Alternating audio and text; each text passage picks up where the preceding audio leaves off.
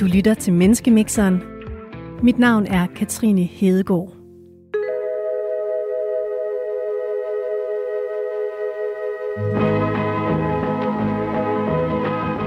En grønlænder, en futurist og en eks-rocker kommer ind på en bar. Bare rolig. Du kommer til at forstå de her titler lige om lidt. Der er det vildt hyggeligt hernede. Skal, der, skal jeg rykke ind, eller hvad? Hej, jeg hedder Torben Boenhardt. Jeg er 44 år gammel. Jeg er eks-rocker, og når jeg ser mig selv i spejlet, så ser jeg en person, der tror på både Gud og djævlen, lyset og mørket. Der står tre spillemaskiner i hjørnet, der dufter af Paris og bøf, og mågerne synger over bugten. Der var en, der fik jackpot der. Jeg hedder Adrian Fay. Jeg er 35 år gammel og futurist. Når jeg ser mig selv i spejlet, ser jeg en drømmer, der tror på, at fremtiden allerede eksisterer og lever i blandt os. Jeg hedder Naja Lynge. Jeg er grønlænder. Når jeg ser mig selv i spejlet, så ser jeg en person, der har kæmpet med identiteten. Jeg tror på, at man skal hele sig selv. Hvad sker der, når de her tre mennesker mødes for at tale om livets store spørgsmål og hvad der rører sig lige nu? På restaurant Havnens Varmestue i Aarhus. Er du okay? Det er fint. Er de rykket til dig på? Ja da. Du lytter til vores program om tro, eksistens og fordomme, Menneskemixeren, her på Radio 4.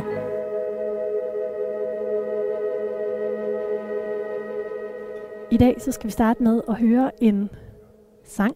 Stamattina mi sono alzato, oh bella ciao, bella ciao, bella ciao, ciao, ciao. Stamattina mi sono alzato e ho trovato l'invaso. Vi startede programmet i dag med et klip fra sangen Bella Ciao, en antifascistisk italiensk sang fra 2. verdenskrig. Her i 2021 er der kommet en ny version af sangen. Den er omdøbt Mette Ciao. Den ved jeg ikke, om jeg har hørt. Nej. med reference til vores statsminister, bliver brugt af protestgruppen Men in Black, der protesterer mod den nuværende samfundsstruktur og tilhørende politik, herunder coronarestriktionerne. Og vi hørte det her klip, fordi Mette Frederiksen nu klart og tydeligt siger, at det er okay, hvis vi som samfund gør livet mere besværligt for de ikke vaccinerede borgere. Og det er netop det, vi skal tale om i dag. Er det i orden at gøre forskel på vaccineret og ikke vaccineret, så vaccineret får flere muligheder og rettigheder i samfundet. Men inden vi går i gang med det, så har jeg taget et raflebær med. Mm. Fordi det er nemlig, jeg har sådan en liste med livets store spørgsmål her, og vi rafler hver uge om, hvilket af de her emner, vi skal tale om. Så nu kaster vi lige en terning hver her. Så ser vi, hvad det ender med. En femmer. Vil du kaste, Torben? Må jeg snyde? Der er to terninger. Jeg blev en Ja. sekser. Nå. Åh, oh, det er de helt høje, så Ja. ja. jeg kan holde kadencen. Det kunne ja, du. ja, det var ikke helt... Det Øh, var tæt på. Det blev, så vidt jeg kan regne ud, 22. Ja, det er noget af den stil. Tværsummen, det er en 4. Det vil sige, at vi skal tale om, er man sin egen lykkes smed? Uh, den var god. Den var rigtig god. Og det er jeg glad for, at du siger. I dag er det jer tre, der er blevet mixet sammen. Her ved vores stambord foran klaveret med en let forhudlet plante i vindueskarmen. velkommen til i hvert fald også. Velkommen til dig, der lytter med. Adrian, du sidder i en flot stribet trøje, og du har en ørering i det ene øre. Naja, du sidder i en flot velour grøn kjole. mm. Og Torben, du har lidt tatoveringer om i nakken, og ellers skaldet. Men øh, hvad tænker I om hinanden? I har jo aldrig mødt hinanden før. Adrian, hvem tror du de to andre ved bordet er her? Oh, det er jo altid et, et godt spørgsmål. Altså, øhm, det er i hvert fald din kjole, den stikker jo lidt ud på en eller anden måde, at, at sådan, øh, det er sådan, den vil, man, den vil jeg nok, altså jeg synes altid tøj er spændende, for jeg synes altid tøj siger ret meget om folk. Øh, og jeg tænker, at din kjole den er så, så smuk næsten, at den vil jeg næsten lægge mærke til, tror jeg, hvis du bare gik forbi mig på gaden, fordi den er, den er også på en eller anden Nej, måde fra en anden tid. altså, hvor man vil gå endnu mere ud af sig selv, og sådan, der, er, der er virkelig et eller andet specielt over den. Så den, den synes jeg, at den, den, øh, den banker på for at fortælle nogle historier. Øh, og, og, og Torben sidder jo i en, i en Armani-trøje, og jeg lader også lige mærke til tatoveringerne, der er stillet min jakke der. Øh, men igen, altså måske lidt lig, ligesom mig, eller i hvert fald hvad jeg har på i dag, er lidt mere hverdags. Altså det vil man nok ikke altså, kigge efter hinanden på gaden på den måde. Det er meget bare øh, hverdags hverdagssættet på en eller anden måde. Eller det, Hvem, i- hvem tror du. Torben er? Hvis du skulle sætte en titel på. øh, arbejdsprofession eller hvad? Ja. Hvad for, Øhm, et, hvad for et skilt er Torben kommet ind med? Jamen jeg får sådan, altså nu sidder vi også sådan et, et sted her, som er, er netop bundærligt og, og, og pr- præsenterer folk, der ikke rigtig øh, øh, sminker sig med særlig mange spejl på en eller anden måde. Så sådan, jeg synes, der var et eller andet øh, god gammeldags klassisk håndværker. Og det kan jo være øh, noget, noget meget old school håndværk, eller det kan være noget nyt. Min søsters mand, han arbejder ved, øh, han er også skaldet og, og sådan en god makker, makker type, øh, arbejder ved, ved letbanen, øh, elektriker. Altså, mit umiddelbare skud for hoften, det er, at Torben, at øh, jeg tror, du arbejder med udsatte mennesker. Mm. Og så tror jeg også, at du heller ikke er bange for at gå til hånde. Måske kan du godt finde ud af at, øh, at fikse huset, hvis der er et eller andet galt derhjemme, eller noget øh, i din mors lejlighed. Mm. Hvad du Øh. tro om øh, mig i forhold til det med at fikse huset? Øh, med, med Adrian, du, du ligner en, der har hænderne øh, skruet lidt anderledes på. øhm, Altså, du kan garanteret ringe med en hammer. Ja. Fuldstændig. Fuldstændig. jeg, jeg, tror, øh, jeg tror, du har noget at gøre med, med den øh, aktuelle valgkamp, der er i gang nu. Og det begrunder jeg i, at du kommer flyvende i sidste øjeblik. Nu skal I høre her. Torben Bonhardt, ex-rocker. Adrian Matthew Fay, futurist. Naja Lynge, grønlænder. Det er simpelthen den usynlige titel, I er trådt ind ad døren med i dag. Det er stærkt. Mm. Torben Bonhardt, vi starter med dig. Ja. For 13 år siden, en øh, fuldrækket rocker, en helvedes karl med tyk hud, dækket af tatoveringer, skudt to gange i hovedet som 16-årig, hvorfor du i dag har et, et øh, glasøje, Mm. lavet en 180 graders vending for 13 år siden, er nu foredragsholder og stifter af projektet Head On, hvor du, ganske rigtigt som du siger, Naja, hjælper unge med at vende ryggen til kriminalitet og starte på en frisk. Du er selv vaccineret mod covid-19. Mm. Hvordan har du det med mennesker, der ikke ønsker at blive det? Jeg synes, vi skal vi er nødt til at leve i et frit land. Vi er nødt til at, og vi er nødt til at kunne vælge, hvad vi egentlig selv gerne vil, uanset hvordan det ledes. Jeg har øh, leukemi også. Øhm, så for mig at se, jeg har set døden i øjnene mange gange. Og jeg har det sådan, jeg synes ikke på noget tidspunkt, at man skal gå ind og lave totalitær kontrol og begynde at bestemme over mennesker. Og det er min klare holdning. Naja Lønge, grønlænder, kom til Danmark som 8-årig, selvstændig forfatter, foredragsholder og klummeskribent for Jyllandsposten. Kan ikke udstå topstyring.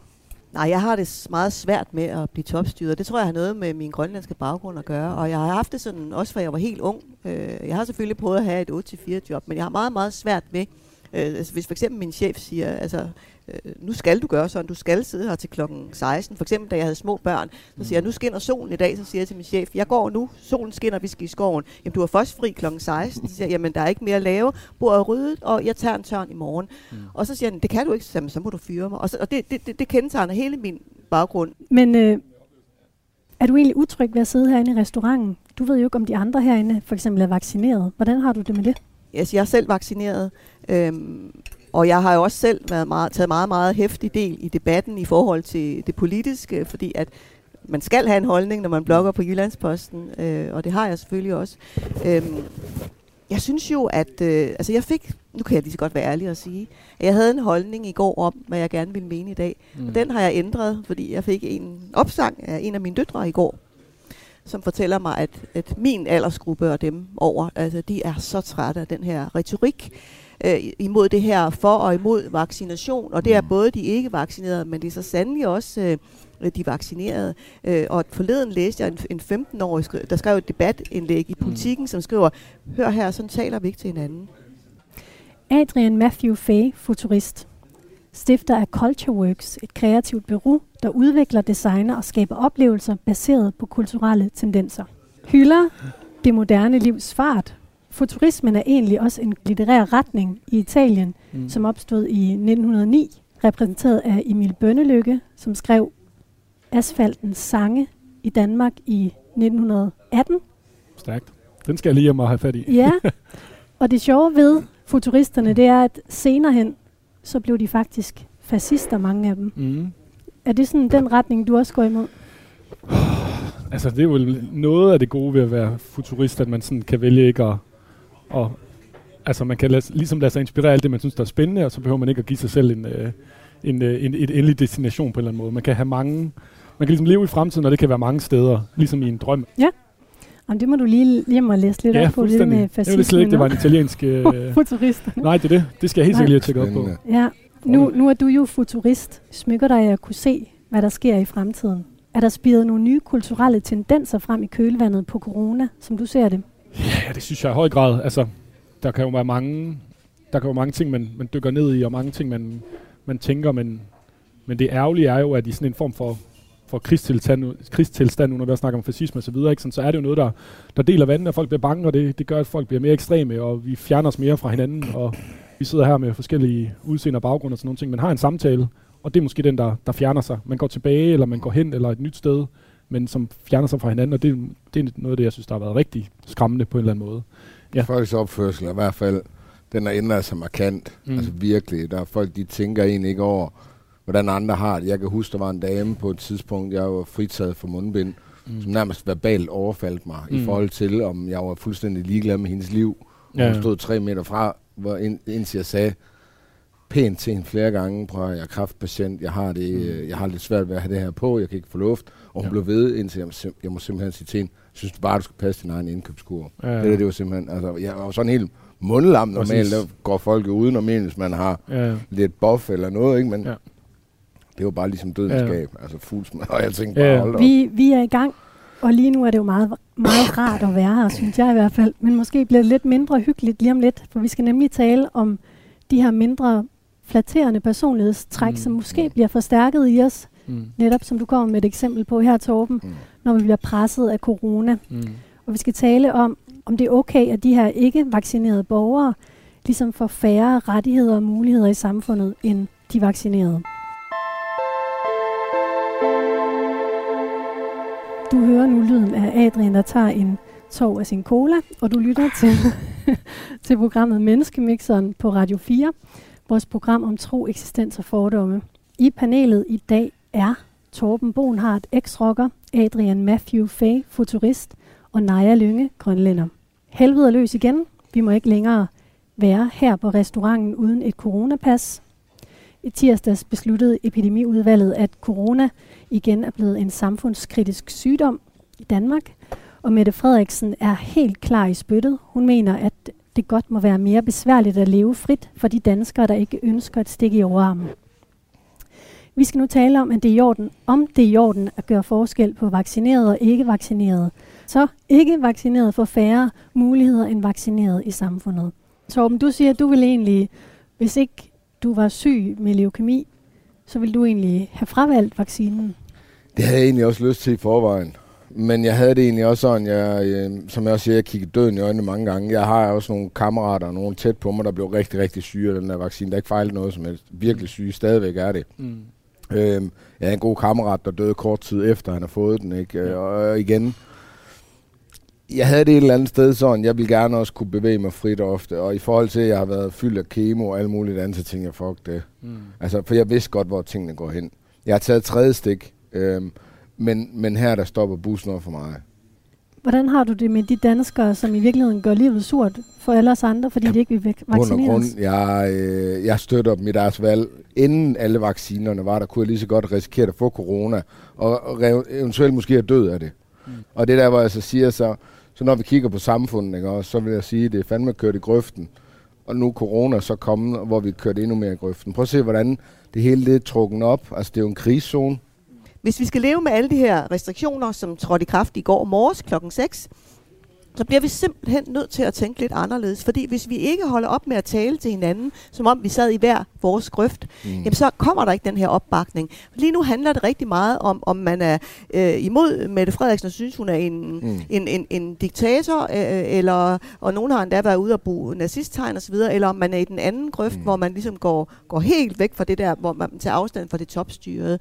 Ligesom du gør. Nej, ja, men jeg synes, jeg gør det lidt på en anden måde, fordi jeg siger, jamen det, det er sådan, jeg har det. Jeg har selv valgt at få min, min vaccine, men jeg synes på nuværende tidspunkt, øh, for nu har vi hørt, hvad folk mener, der er både for og imod, så synes jeg, at vi skal nøjes med at sige, fra i går, øh, der har vi de her restriktioner, øh, og det er sådan, men man behøver ikke at eskalere med at sige, og det synes jeg er okay, fordi de skal udskamme dem, der ikke følger de her regler osv.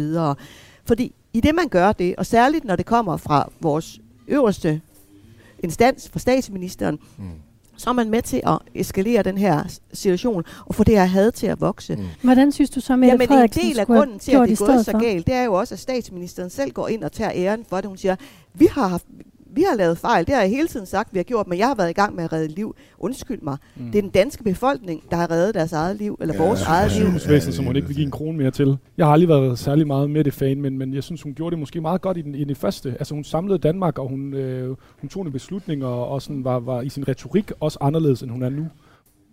Tusindvis af danskere stoler ikke på videnskaben Nej. og regeringen. Tusindvis af danskere stoler ikke længere på demokratiet. Vi har ikke de ønsker, de ønsker ikke at få en sprøjte ind i kroppen, som de ikke ved hvad er. Og en af dem er Jonas Østergaard, og ham skal vi høre et klip med nu. Mit navn er Jonas Østergaard. Jeg er uddannet i Kant Mærk MEB på Copenhagen Business School. Jeg er ikke vaccineret, fordi at vaccinerne ikke er, de er ikke godkendt endnu. De bliver først godkendt i år 2025, og på Moderna der får vi først dataen i 2022, og på Pfizer får vi først dataen i 2025. Og hvis jeg skal spise noget mad, så vil jeg gerne vide, hvad der er i. Jeg køber aldrig en leverpostej, på hvor der står øh, 5% ved vi ikke, hvad er. Et informeret samtykke bygger på, at man bliver fuldt ud informeret om, hvad der er i produktet, man skal indtage eller blive slukket med. Hertil, hvad for nogle bivirkninger og hvad for nogle fordele der er. Og hertil, om der findes nogle alternativer til det. Og det er der ikke nogen danskere, der har fået i den, i den her omgang her. Jeg bryder mig ikke om den udskamning, som Mette Frederiksen hun, øh, lægger for dagen fordi at alle har retten til at bestille, stemme over sin egen krop. Den her gang har de ikke lukket, lukket fitnesscentrene, og det er et sted, hvor jeg godt kan blive at bruge fire dage om ugen, hvor jeg går ned og træner, og så tager jeg et øh, dampbad bagefter og nogle kolde bad, og det er sådan et ritual, jeg har. Så sidste gang de lukkede ned, der tog de det fra mig, og der havde det virkelig hårde omkostninger for den måde, jeg plejer at leve på. Hvor den her gang var det natklubber og alt muligt andet, så nu er det min datter, de prøver at ramme i stedet for. Og der føler jeg presset, når min datter bliver sendt hjem fra skole, og hvad hedder det, der er en i hendes klasse, hun bliver sendt hjem i mandags, der er en i hendes klasse, der er testet positiv, hun bliver sendt hjem, fordi hun ikke er vaccineret. De er vaccineret for lov at blive på skolen. Så det er der, det, jeg bliver ramt hårdt i den her omgang. Det er på min datter, som kommer hjem og vil gerne gøre livet nemmere for sig selv ved at tage en vaccine. Og det skal ikke være fordi, at livet skal være nemmere, at man skal tage en vaccine. Det skal bygge på en sundhedsfaglig vurdering. Jeg kan fortælle dig det, jeg bliver rigtig ked af. Det er jo selvfølgelig, at skolen og myndighederne, de spiller på en bold, som øh, gør, at min datter, hun bliver spillet ud med mig. Og det gør ondt på mig. Min datter er blevet 18, så jeg har givet hende det frie valg til selv at vælge, om hun vil have vaccinen eller ej. Det er hende, og hun er voksen nok til det. Men hun ved godt, hvor jeg står, og at jeg sidder med al forskningen, og jeg sidder og læser øh, rapporten fra Pfizer og så videre. Så øh, på den måde, så, så bryder jeg mig ikke om den der med, at de splitter familier og venner og sådan noget ud mod hinanden. Det synes jeg er direkte... Øh, ja, jeg synes faktisk, det er ondskabsfuldt. Det var altså her Jonas Østergaard, der har valgt ikke at blive vaccineret, der, der talte her. Hvad tænker jeg om det, han siger? Det er, er det ondskabsfuldt, det der sker? Altså, det er, jo, det er jo rigtigt, det han sidder og siger. Altså, øh, min datter har, øh, er 21 og har valgt også at blive vaccineret. Øh, men det er jo rigtigt, det han siger. Altså, vi ser jo unge mennesker, hvor at der enten så er du med os, eller så er du imod os. Det er lidt ligesom øh, Zappa-filmen, ikke? Hvis du ikke vil spise skovsneglen, så er du bare ikke med, ikke? Der er jo ikke nogen, som kan sige, hvad der er rigtigt forkert, men det er jo fuldstændig rigtigt, hvad han siger. Vi kan jo ikke få importeret nogen madvarer eller nogle produkter, uden at uspecificere det. Selv øh, at vi ikke engang må komme vores hund i en mikrobølgeovn, ikke, er nødt til at blive udspecificeret. Det har vi ikke fået gjort i de her vacciner, så det er jo rigtigt. På Statens Serum Institut, det blev senest opdateret den 19. oktober, men der står der, nu håber jeg ikke følge med, for hver 100.000 personer, som er uvaccinerede og mindst 12 år gamle, er der syv indlagte. Og til sammenligning er der kun 1,5 indlagte for hver 100.000 personer blandt dem, der er vaccineret med forventet fuld effekt og mindst 12 år gamle. Så det vil altså sige, at der er langt flere ikke vaccinerede, som er indlagte.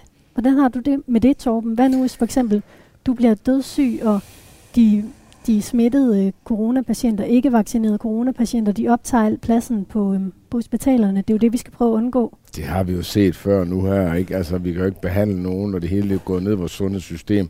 Altså presset. Øh, vi betaler ikke vores sygeplejersker for noget som helst, så, så, så et eller andet sted, så vil jeg bare have det sådan, det her det er jo en naturlig del af det, der sker. Du kan, du kan ikke gøre noget bund og grund, så tror jeg jo, at, at, at det her med, at man siger, hvor mange der er indlagte, det er jo igen, jamen, hvem har bedt om at få de her undersøgelser? At, at, at, hvor farvet er Det de er her jo, det er jo undersøgelser fakta. generelt? Det er jo fakta, Ja, man det kan siger man lige nu. slå op. nu er der de her regler, og forløbet så er det sådan, det er den næste måned. Øh, og så kan vi som privatperson prøve at lade være med at hoppe med på den der med at være med til at udskamme hinanden. Det er det, vi kan gøre. Og så må vi jo lade politikerne gøre det. Og nu er der heldigvis både øh, kommunalvalg og amtsrådsvalg lige om lidt, øh, og måske bliver der også snart udskrevet folketingsvalg. Og jeg har selv lige været nede og stemme. Øh, det er den, den demokratiske frie ret, vi har til at, at vælge fra i forhold til øh, det politiske system. Og dem, der, der, der vil jeg godt appellere til, Øh, fordi jeg vil sige, efter sådan selv har været meget isoleret i, i meget lang tid her under coronakrisen, øh, også haft det meget sådan, synes jeg, lidt psykisk svært ved det, Mm. fordi jeg tidligere har oplevet en masse ting. Jeg har altså ikke behov for øh, mere øh, grøftegraveri i mit liv. Vi kan kun holde fast i det, hvis vi forsøger ikke at, at løbe med på det her, fordi det er politisk spænd. Og det bliver også brugt som et politisk redskab at have den her magt og køre det op, som om nu er vi i, i en nødtilstand. Du siger, at øh, din, din datter gav dig en opsang. Du skulle lige moderere dine holdninger lidt, når du kom i dag. Hvordan, hvordan Det går du, jo ikke så godt, kan jeg godt. Falder til er du, du er får lige den her over. Hvor det, Er du det, der, det, det, er jo det, jeg sagde, når man fik skæld ud, hvis man mødte nede på gaden, ikke? og så er man bare sat til vægs. Men, altså, det er et undskyld. Jamen, jeg har faktisk mødt nogen, der er lidt bange for mig, men jeg er ikke særlig farlig, fordi jeg har det hele i munden. Jeg, Hvad er det, du kommer til at sige nu, som din datter sagde, du ikke skulle sige? Jamen altså, jeg tror, at de unge er meget, meget trætte af det der med, at dem fra min egen, altså i 50'erne og op efter, at vi ligesom, øh, vi er meget vrede. Og hvor kommer al den vrede fra? Altså, øh, tror Hvor, jeg bare, hvor kommer alt den vrede Jamen, fra? det tror jeg, øh, jamen, jamen, jeg tror, at mange er gået for, for meget for sig selv, og så pisker de en stemning op omkring Går du, det går her. du for meget for Ja, dig jeg selv går og helt pisker en sikkert for meget for mig selv. Det har jeg gjort her under, under krisen. Det er det, der gør mig bange. Det er, jeg mener, at vi ikke har demokrati. Det har vi ikke haft i lang tid. Men Torben, er du ikke også lidt au- anti-autoritær? Det ligger vel også i DNA'et at være rocker? Nej, fordi det, det nej jeg, jeg er gamle værdier og traditioner. Jeg siger tak for mad, og jeg, jeg holder døren, og jeg hjælper mennesker, og det gør jeg natur. Også dengang jeg var rocker. Hvis jeg så en hjemløs derude, så gik jeg hen og gav ham penge. Hvis jeg så en ældre dame eller mand gangbesværende, så hjalp jeg dem med at bære det. Det er en del af mig som menneske. Jeg har det sådan, gensidig respekt er det vigtigste. Sådan har jeg altid haft det. Øh, Men uanset hvordan har du det med autoriteter? Jamen altså, jeg har respekt for en autoritet, fordi jeg har det sådan, det er det, der ligesom gør det fremtoning. Også selv når politiet var der, hvis det er dem, du tænker på, så har jeg det sådan, altså, øh, det er ham, der har magten, og hvis han snakker pænt til mig, så snakker de også pænt til ham. Øh, men det, jeg ikke har respekt for, det er, når man ser øh, vores folkevalgte, eller lokalpolitikere for den sags skyld, sidde og rave til sig og lave den ene fadæse efter den anden, og så bagefter bliver det belønnet.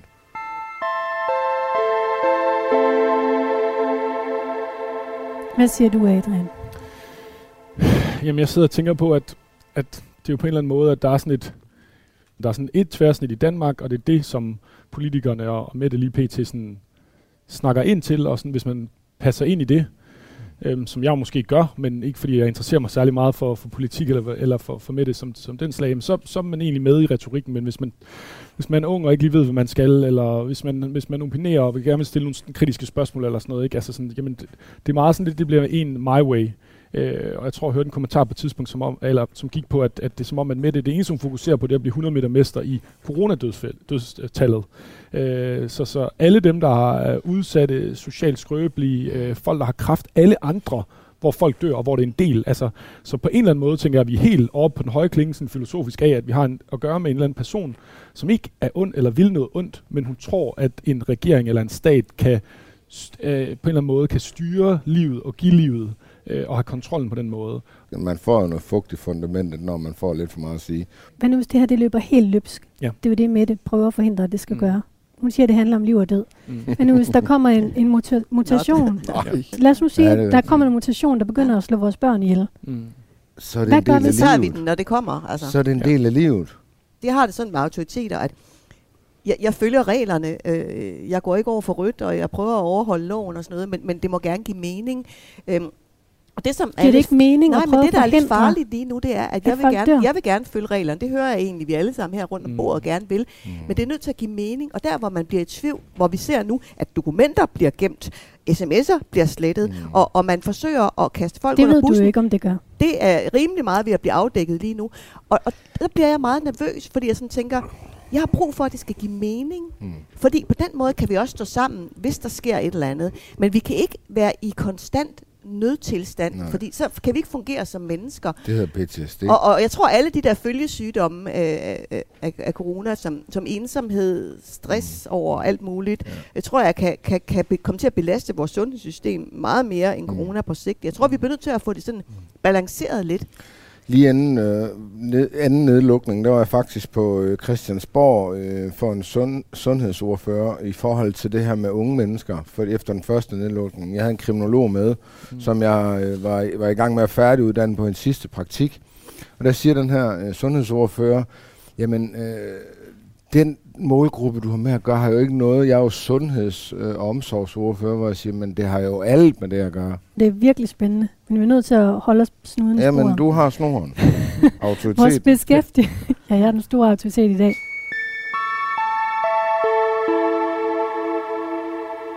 Vores beskæftigelsesminister, Mathias Tesfaye, han åbner op for, at det også øh, igen skal være muligt for virksomheder at kunne kræve, at de ansatte stempler ind med et coronapas. Adrian, du øh, har ansatte i din virksomhed. Hvor mange har du?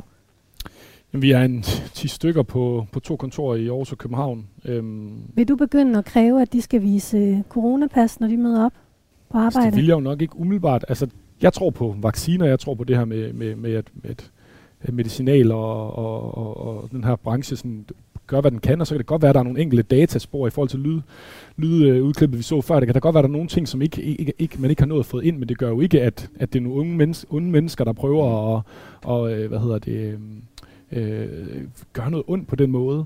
Så kan det godt være, at det vil være lettere, eller at tænke sådan, jamen jeg vil jo nok tænke, jamen det er jo bedre for, for, for, for, for, for sygdomstallet, eller for de smittede på kontoret, hvis alle havde taget det, eller et eller andet.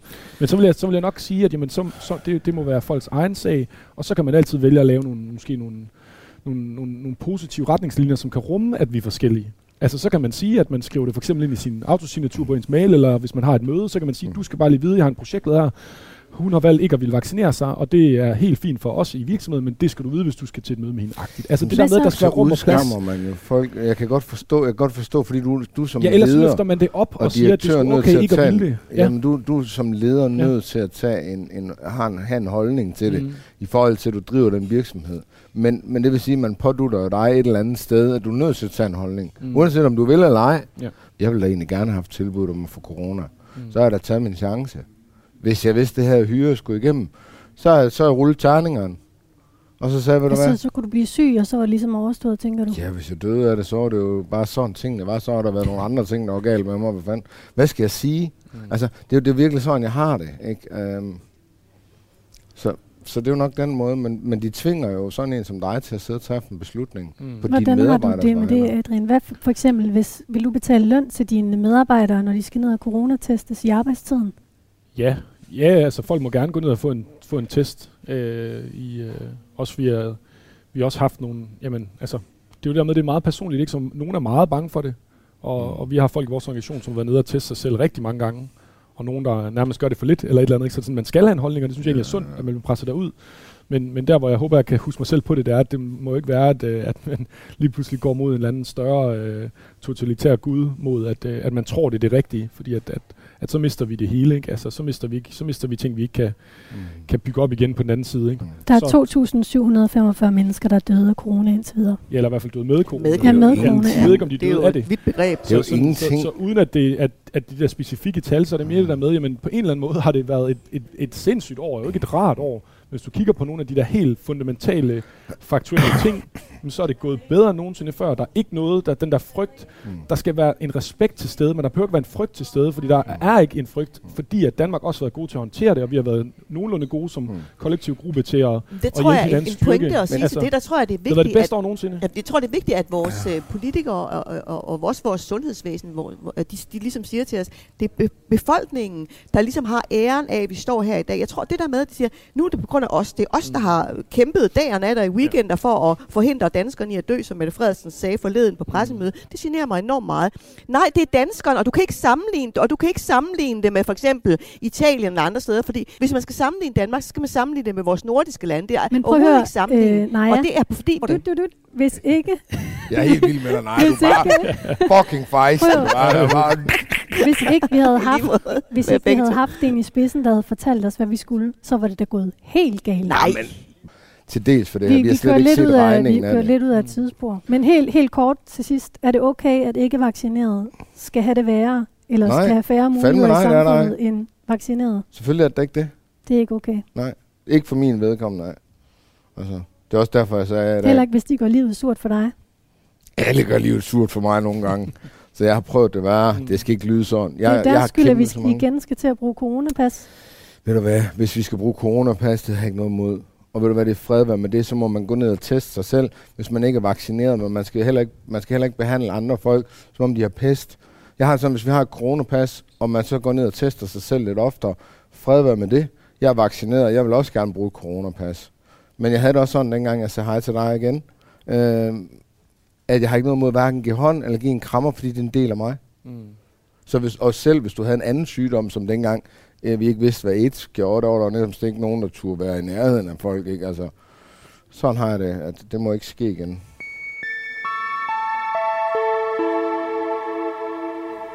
Adrian, din ørering klinger dejligt i dit øre. Du lytter til øh, Menneskemixeren her på Radio 4. Et program om tro, eksistens og fordomme. Jeg hedder Katrine Hedegaard, og i panelet sidder i dag Torben Bonhardt, eks-rocker, der ikke er så vild med autoriteter. Adrian Matthew Fay, futurist, der befinder sig mere i fremtiden end i fortiden. Naja Lynge, grønlænder, foredragsholder, forfatter og klummeskribent på Jyllandsposten. Vi sidder på restauranten Havnens Varmestue i Aarhus. Hvordan synes I det er? Er det rart at være her? Det er fedt. Meget rart. Skønt. Simpelthen Det var for, godt. det er simpelthen for kort tid. Godt selskab. Ja. Ja. Man sidder bare og tænker på, hvis det her det var hele samfundet, der mødtes på kryds og tværs. Altså, hvad man ikke ville kunne have af, af forståelse og... og, Det, og dialogkaffe, det er ikke for ingenting. Nej, det er så præcis. godt, vel? Det er det. Nej. Hvor Jamen, jeg tror, der er et eller andet med det der med, at, at min far er jo også molekylær biolog, og jeg føler mig meget tryg i hele den der videnskabsting umiddelbart. Altså sådan, der, Mm. der, der, jeg gider ikke engang gå op og læse op og det ene og det andet. Ikke? Og, og, øh, og der tror jeg for eksempel, vi er lidt uenige. Ikke? Der tror jeg, om det er autoritet eller en eller andet, hvad man oplevet i livet. Eller, eller sådan Du nogle kigger over på Torben. Jeg kigger over på Torben, yeah. der tænker jeg, at der er du mere skeptiker, og, og du også, der er også nogle kommentarer, hvor du er sådan lidt også, at der er noget, altså der er noget næsten, hvor folk de gør noget ondt med vilje, eller de vil en, altså, altså Mm. kan du følge mig, ikke? Og, Mm. og der er jeg slet ikke på den Mm. klinge, ikke, ikke, ikke i forhold til hvad vaccinerne, ikke? Altså, også bare sådan, så har vi en, altså en, en kulturpersonlighed, som alle unge, unge mennesker orienterer sig ud- mod, som, som Kanye West, ikke? Og det er jo ikke for nyligt, eller for nyligt var han igen ude at sige et eller andet med, at ja, ja, vi- der er jo det her fluer i tandpastaerne, som gør, at vi alle sammen bliver øh, til, til zombier for, øh, Mm. for, for staten og sådan nogle ting, ikke? Og det er sådan, det, det, ja, altså, det kan jeg slet ikke forholde mig til, så, så dumt det er i min verden. Ja, Lige så set konspirationsteorier, det er ikke lige dig. Konspirationsteorier, nej. Altså, som jeg også siger til dig, det er jo ikke, fordi jeg er uenig med dig i forhold til vores øh, medicinære øh, industri og sådan noget Mm. der, men fordi jeg har sådan, den viden har jeg slet ikke. Mm. Og jeg har jo stadigvæk haft så meget tiltro til dem, at jeg egentlig har taget vaccinen tre gange. Mm. Øh, uanset, selvom jeg har set nogen virkelig i min tætte omgangskreds, nogen har været død pludseligt, øh, og, og en- andre har været virkelig, virkelig syge, Mm. så har jeg valgt at gøre det alligevel. Ja. Så det er jo ikke, fordi jeg ikke har tillid til det, øh, fordi det, det er vi så nø- selvfølgelig nødt til. Mm. Jeg siger bare, vi har ingen viden om det Mm. mm. overhovedet. Tak for en rigtig god debat. Jeg synes, I var gode. Stamattina mi sono alzato, oh bella ciao, bella ciao, bella ciao, ciao, ciao. Stamattina mi sono alzato e ho trovato l'invaso. Vi skal i gang med dagens sidste emne. I starten, der raflede vi, og vi fik til sammen N4. Ja. Mm. Og det vil sige, at vi nu skal tale om, er man sin egen lykkes smed? Mm. Og det var du lidt øh, glad for det emne, Torben. Mm. Kan du ikke fortælle mig lidt om, hvordan kommer man ud af rockermiljøet? Jeg skrev i bogen Control Alt Delete om det her med, hvor svært det egentlig er at prøve at skifte identitet, fordi øhm, jeg prøvede jo selv at henvende, mig øh, til, til nogle af de her offentlige instanser, der var ikke noget at ligesom gøre, ikke? Øh, og jeg sad jo og røg ned øh, fuldstændig ensom, øh, deprimeret, jeg skulle varetage min datter, altså. Hvad var det, der gjorde, at du tænkte, nu skal det være nok? Jamen, det gjorde jeg jo dengang, at jeg blev ringet op inde i fængsel. Øh, jeg sad i fængsel en gang af en sagsbehandler, der sagde, at øh, hvis jeg ikke havde, havde skaffet en plejefamilie, inden hun gik på weekend, så ville hun fjerne min datter. Der havde sådan, okay, jeg skal ikke overlade min datter til et system, som, som har overset mig på den måde. Det var det, der var, var det hele i det. Og så var der selvfølgelig nogle andre ting, hvor jeg ligesom havde det sådan. Det er ikke, fordi man ikke kan se, hvad der er rigtig forkert. Hvorfor var du ikke kommet i fængsel? Jeg havde stukket en mand ned øh, i en slåskamp, øh, hvor vi blev overfaldet af to, og så, så slog ham den ene min øh, kæreste, øh, og det øh, kvitterede jeg så med et knivstik. Var du fuld? Ja, det, øh, det var jeg. Det var hernede i Aarhus faktisk. Hvordan øh, har du det med at have gjort det? Der er det okay med. Jeg handlede på daværende tidspunkt i en situation. Øh, jeg, havde, jeg havde fået ordentligt på munden. Jeg kunne sagtens have stukket begge to ned, men så jeg havde det okay. Der er ikke nogen, der skal slå på en kvinde. Så det var derfor, jeg gjorde det. Har du det stadigvæk sådan? Jeg så kunne du finde på at reagere på den måde igen? Altså, jeg vil ikke stikke folk ned. Altså, så skal jeg være stå i en situation, hvor det er liv og død. Så har jeg det sådan. Kunne jeg så reagere på det? Selvfølgelig kunne jeg det. Jeg er kriger. Jeg er mand. Øhm, men, men jeg er jo mere til den her med øh, talens kraft er, er vigtigt. Det har du fundet ud af, det, lidt, det fungerer lidt bedre. Sådan har jeg altid haft det. Da jeg var rocker, der var lige så bred over skulderen som silver mellem øjnene. Jeg var altså ikke stor og farlig. Men jeg havde talegaven, jeg havde det her med, men jeg mener det, jeg siger. Så, Det godt saying. så det er jo sådan, det er. Altså, Men hvordan det er jo- kom du ud? Hvordan kom du helt konkret ud af rockermiljøet? Jamen, jeg meldte mig ud, og så, øh, så sad jeg bare helt alene. Altså, det er det her med, hvis vi beder folk om at ident- skifte identitet, så er det også det her med, så er du nødt til at så sidde og sige, okay, hvor finder du så nye mennesker hen? Så er du begyndt til sport, du kan begynde øh, at læse, du kan begynde alle mulige andre steder, men, men når vi skal socialisere, så, så er der det her med, at vi snakker om vind og vejr, og vi møder hinanden, og vi er lige lidt nysgerrige, og vi skal lige øh, lave lidt sjov ballade, men når vi sådan skal til at, at, lære hinanden ordentligt at kende, så spørger vi, hvad laver du så? Hvem er du? Fordi vi er jo hele tiden forudindtaget. Og hvem var du, da du ikke var rocker længere? Jeg var der ingen. Jeg var stadigvæk Torben. Men, og jeg var far til min datter, men i bund og grund var jeg ingen. Altså, og det, der egentlig gjorde, at jeg øh, lavede head on, det var simpelthen fordi, jeg mener, at alle har ret til hjælp, og det er ikke et spørgsmål, om de har råd til det. Men For hvordan, hvordan, øh, hvordan blev du til nogen igen så? Jamen det gjorde jeg jo, fordi der var nogle mennesker, der ligesom øh, hørte mit foredrag første gang, og var ligesom dengang jeg var passioneret og snakkede om, hvad vi egentlig skulle gøre med head on, øh, og gik med i det her, så byggede jeg det op. Altså, Men hvordan mobiliserede du den kraft inden i dig selv? fra mit hjerte af, drivkraften i, at man har det sådan, det her, det kan og skal vi gøre bedre. Problemet er bare, at det er det her, som jeg siger, når man så sidder og siger, det er ikke fordi, jeg ikke er autoritær, men jeg er sgu blevet pisset så godt og grundigt på, også i forhold til det her, øh, hvad der sker omkring os, at, at det er svært at blive ved. Men det er så der, hvor man møder nogle ildsjæle en gang imellem, der lige siger, prøv her, så kommer der en døråbning, så lukker man den op, går ind ad den, og hvis ikke, så har jeg det sådan. Så har jeg sgu det mindste været min egen lykkesmed, og jeg har hjulpet en masse mennesker.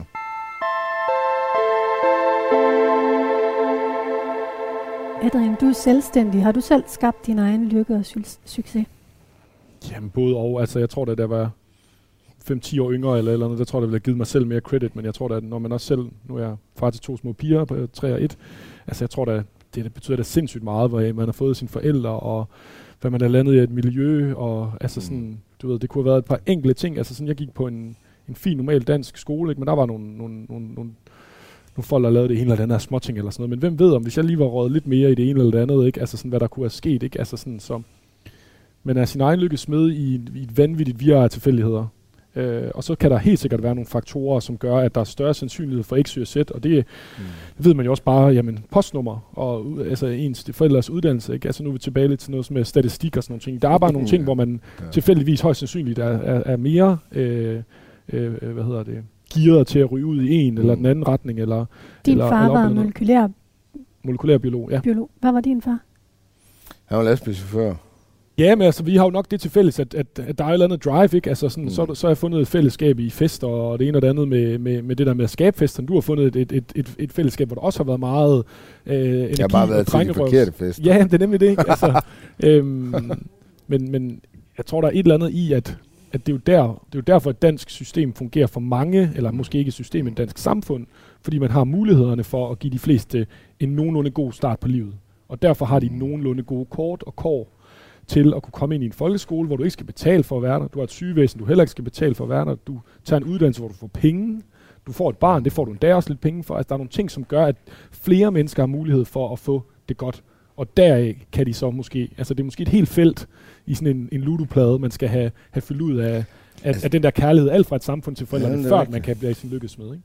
Hvad var det, der gik galt i dit liv, siden du øh, røg ned af en forkert Jamen, det er jo det her med, når man lige præcis, når du snakker om Ludo, man skifter fra farven blå til farven grøn hele tiden. Eller fra farven grøn til, til rød. Altså, det er det her, når de her skift, de kommer, og man skal til at finde, finde sig til rette nye steder igen. Ikke? Det er nemt nok, når man er ung, og man flytter rundt, men, men der, hvor jeg egentlig faldt til, ikke? det var det her med, for mig at se, der var det det her med at bare høre til sted. I rockermiljøet? Øhm, Nej, det var før også. Øh, altså, jeg klarede mig selv, siden jeg var 12 år gammel. Ikke? Altså, så det er jo de her ting, hvor, hvor man ligesom falder til. Jeg tror, min største frygt var at, at, øh, at være alene. Vi har vores øh, skolevenner, vi er vokset op med. Vi har måske nogle efterskolevenner, nogen, øhm, som vi har gået på længere vej uddannelse med. Ikke? Øhm, det, den del, den pissede jeg bare desværre væk. Ikke? Altså. Hvorfor gjorde du det? Jeg tror igen det her med, at jeg ikke... Øh, jeg prøver selvfølgelig at tage nogle uddannelser også, men, men det der med, jeg passer stadigvæk ikke ind. Altså, jeg vil gerne være soldat, og jeg vil gerne være udsendt og kæmpet for mit land. Øh, og da jeg blev skudt og mistede mit øje, der øh, forsvandt den.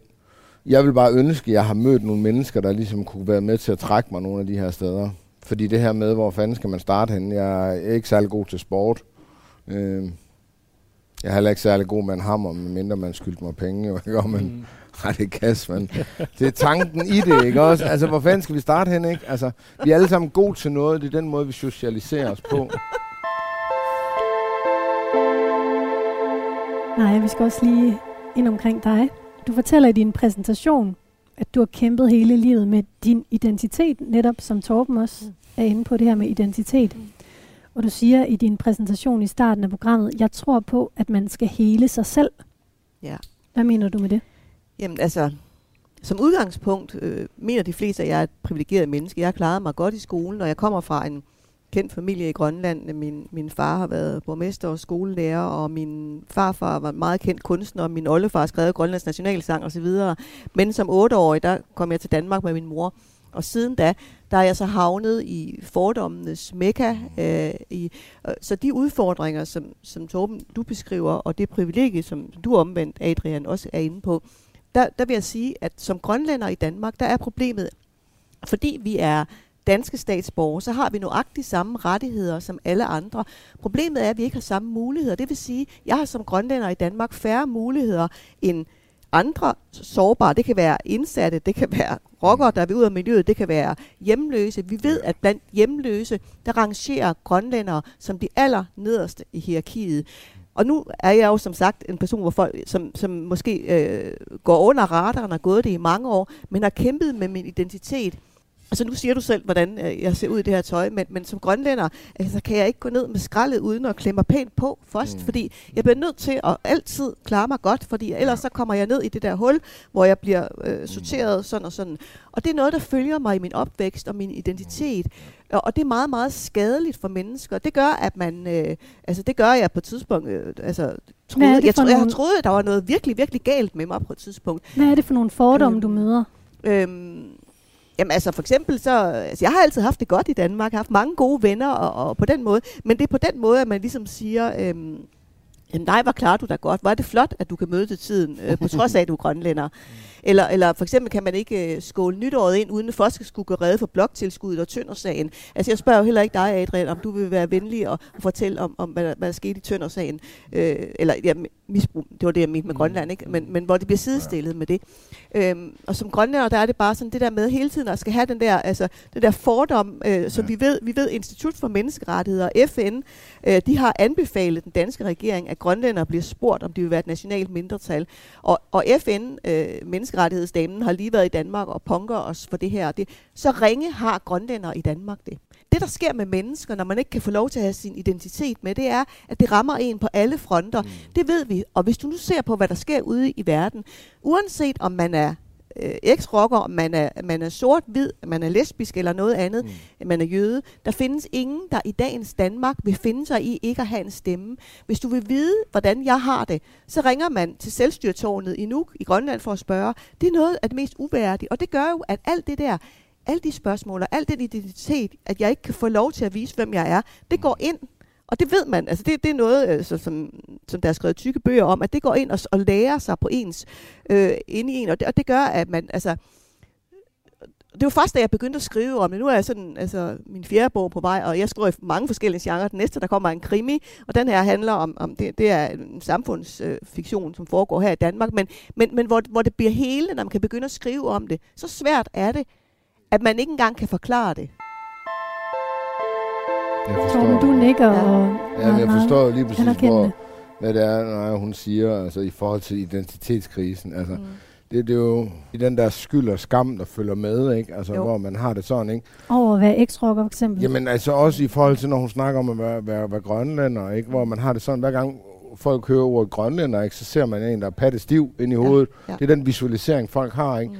Når folk de snakker med mig generelt, ikke? Eller medier, der interviewede mig, ikke? Så var det eks-rockeren.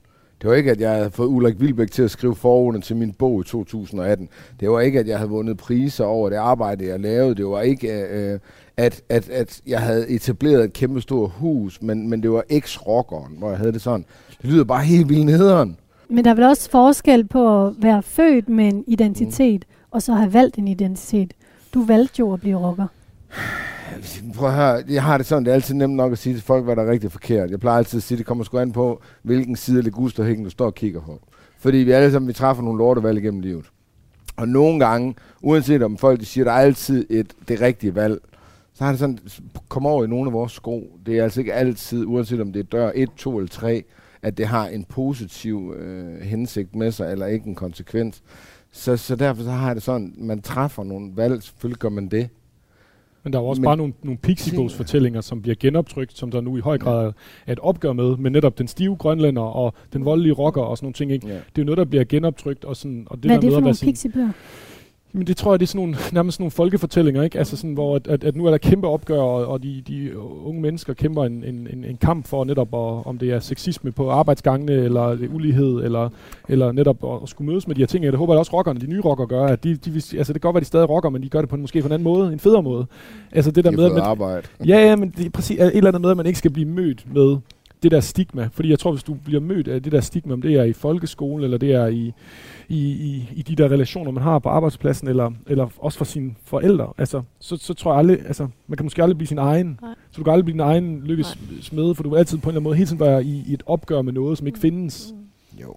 Men i dit eget hoved på en eller anden måde. Ikke? Altså, men må jeg ikke sige, i forbindelse med det, der synes jeg, Ja. og det er noget af det, jeg synes er så dejligt ved at sidde her i dag, fordi noget af det, jeg har fundet ud af, det er, at hvis man skal ændre noget, altså for eksempel i forhold til min egen situation, eller i forhold til din, eller noget af det, du fortæller om, mm. så er det, at man skal sætte sig sammen med nogle mennesker med en helt anden baggrund, og så skal mm. vi måske ja. sammen være med til, ja. altså jeg tror, jeg vil kunne hjælpe dig med at løse din udfordring, jeg tror, du vil kunne hjælpe mig, og jeg tror, at du vil i den grad kunne sætte et andet perspektiv på, og være, altså det er sådan nogle ting, jeg tror, mm. at, at det, det, det, og det er det, jeg synes er helt fantastisk ved at få lov til at være med her i dag, og, og mere af det, mm. fordi øh, det, jeg ved, jeg selv oplevede med det, jeg har, jeg selv, hvis jeg sætter mig sammen med dem, som har den samme baggrund, vi kommer aldrig nogen vegne. Det er det. Men Det er øh, Naja, var du din egen lykkesmed, da du ligesom tog handsken i egen Det var jeg. og Altså, jeg besluttede øh, som, som meget sent i livet, at øh, øh, jeg kunne ikke se mig selv i spejlet, da jeg fik mit tredje barn. Og så besluttede jeg, at nu, nu lader jeg masken falde, nu fortæller jeg højt, at jeg er grønlænder. Med al den sorg, der så kommer til det, og det betyder også, når jeg holder foredrag, så Hvad er det for en græder sorg, jeg også. sorg, det, det er en utrolig stor sorg, at man så mange år har været flov over at være grønlænder. Jeg kan huske, at jeg besøg af, af min øh, gamle farmor, som kun taler grønlandsk, og jeg ville have, at vi skulle have hende ud fra byen. Øh, fordi at så mine, mine øh, venner ikke skulle opdage, at der var besøg fra Grønland. Okay. Øh, og jeg kan huske, øh, øh, Det vildt. altså det har været sådan ret vildt. Ja, ja. Selvom jeg har jo virkelig ikke haft noget. Altså jeg er vokset op i en, en, en, en ressourcestærk familie, vil jeg sige. Min mor er dansker, men, men har altid, altså, hvad skal man sige, lært os at være meget skrab, øh, men, men også at vi skulle begå os. Øh, men, men jeg er konstant bange for at falde i. Øh, det er jeg stadigvæk. Selvom jeg har skrevet mig igennem den her smerte, og virkelig har grædt meget. Folk bliver meget... Bange nogen- for at falde i hvad? Jamen, øh, for den der stereotyp, den der Mm. med, at vi... Om det, det, det går galt. Jeg, jeg, altså, jeg vil ikke lægge hovedet på blokken og sige, at jeg ikke kunne ende nede på torvet sammen med en landsmænd. Jeg forstår dig. Det ville jeg have sagt nej til som ung, men jeg, jeg vil sige, jeg har mødt nogen, og den anden dag var jeg til et vælgermøde, hvor der var en, en ældre grønlandsk kvinde, der brød fuldstændig sammen. Og det var sådan, det, det, det har været min skræk hele livet, at jeg skulle sidde et eller andet sted, hvor sådan noget skulle tilkendegives over for danskere. Men, men hvor jeg bare må sige, hvis, hvis nu alle ens børn og alle en nærmeste var blevet revet midt over eller væk fra en, altså, jeg, jeg, jeg vil ikke kunne sige, at det kunne ske for mig. Men Naja, hvem var det, du prøvede på at være, dengang du ikke stod frem som grønlænder? Jeg prøvede på at være så lidt grønlænder som muligt, prøvede at farve håret lidt lysere, og, og, og bilde mine venner ind, at, øh, jeg var måske kun en fjerdedel grønlænder, og det var bare lige faldet helt skævt ud med mig.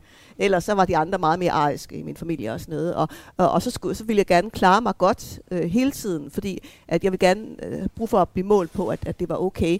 Øh, øh, og, og jeg kunne gå helt, altså blive helt panisk, hvis jeg mødte nogen, jeg ikke har set lang tid nede ved bageren, og jeg for eksempel ikke har været i bad søndag morgen. Ja. Altså derfor går jeg aldrig, og jeg går stadigvæk ikke ned og henter, jeg går ikke ned og henter rundstykker, uden at have været i bad først. Altså jeg vil ikke tages på det forkerte ben på noget tidspunkt. Hvad tænker du, Identiteten. Torben? Du sidder og Altså, nikker. Det er jo identiteten. Altså igen, det, det, det, er, det er jo, altså, jeg, jeg mærker, hvad hun siger virkelig meget. Altså, jeg kan jo sagtens uden. Jeg er svært ved at sætte ord på, men jeg kan mærke dig ind i maven. Mm. For jeg, jeg, jeg kan mærke den sorg og den frygt et eller andet sted, hvor- hvordan man gerne vil have det, ikke? Altså, øh, andre gange har folk har klædt mig på en måde, ikke? Hvor folk de har troet, jeg var øh, kunstner eller andet, ikke? Fordi, altså, den her med hele tiden at være proppet i den her kasse. Men, Altså, men jeg tror også? Adrian, i forhold til det, du sagde før med, hvordan du voksede op, så tror jeg, at noget af det, jeg synes har været rigtig hårdt, det er, at jeg, jeg, jeg føler hele livet, at også at det grønlandske samfund, jeg indirekte er blevet bedt om at være rollemodel. Mm. Det er faktisk ret hårdt, og jeg, jeg kan bare mærke, at jeg er færdig med det. Det er faktisk også fedt bare at råbe, fuck ja. Ja. For følelsen, den er bare super lækker nogle gange, hvor man bare står, så selvom man står et eller andet andet sted, så har man sådan, Ved hvad, det er et rigtig godt sted at slutte den her snak, synes jeg.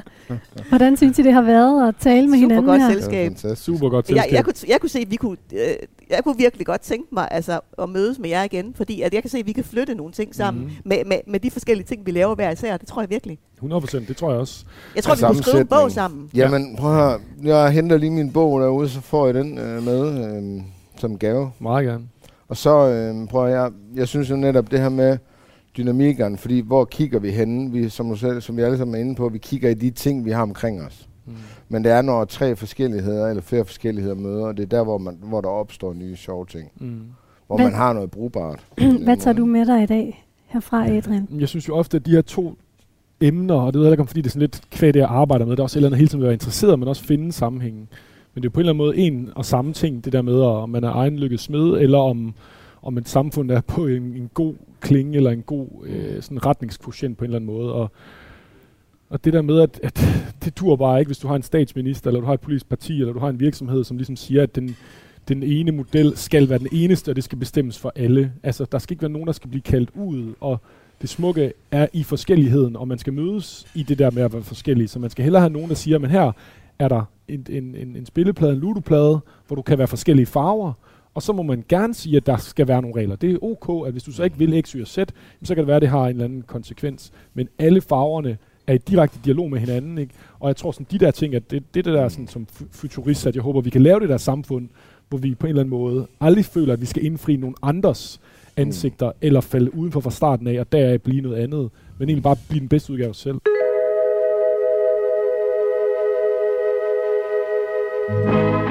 Torben Bohnhardt, ex-rocker, Adrian Matthew Fay, futurist, Naja Lynge, grønlænder. Tusind tak, fordi I vil være med i dag. Og gudskelov, gudskelov kommer I også igen, håber jeg. Mm. Ikke i næste uge, men om nogle uger, hvor I bliver mixet sammen med nogle andre mennesker.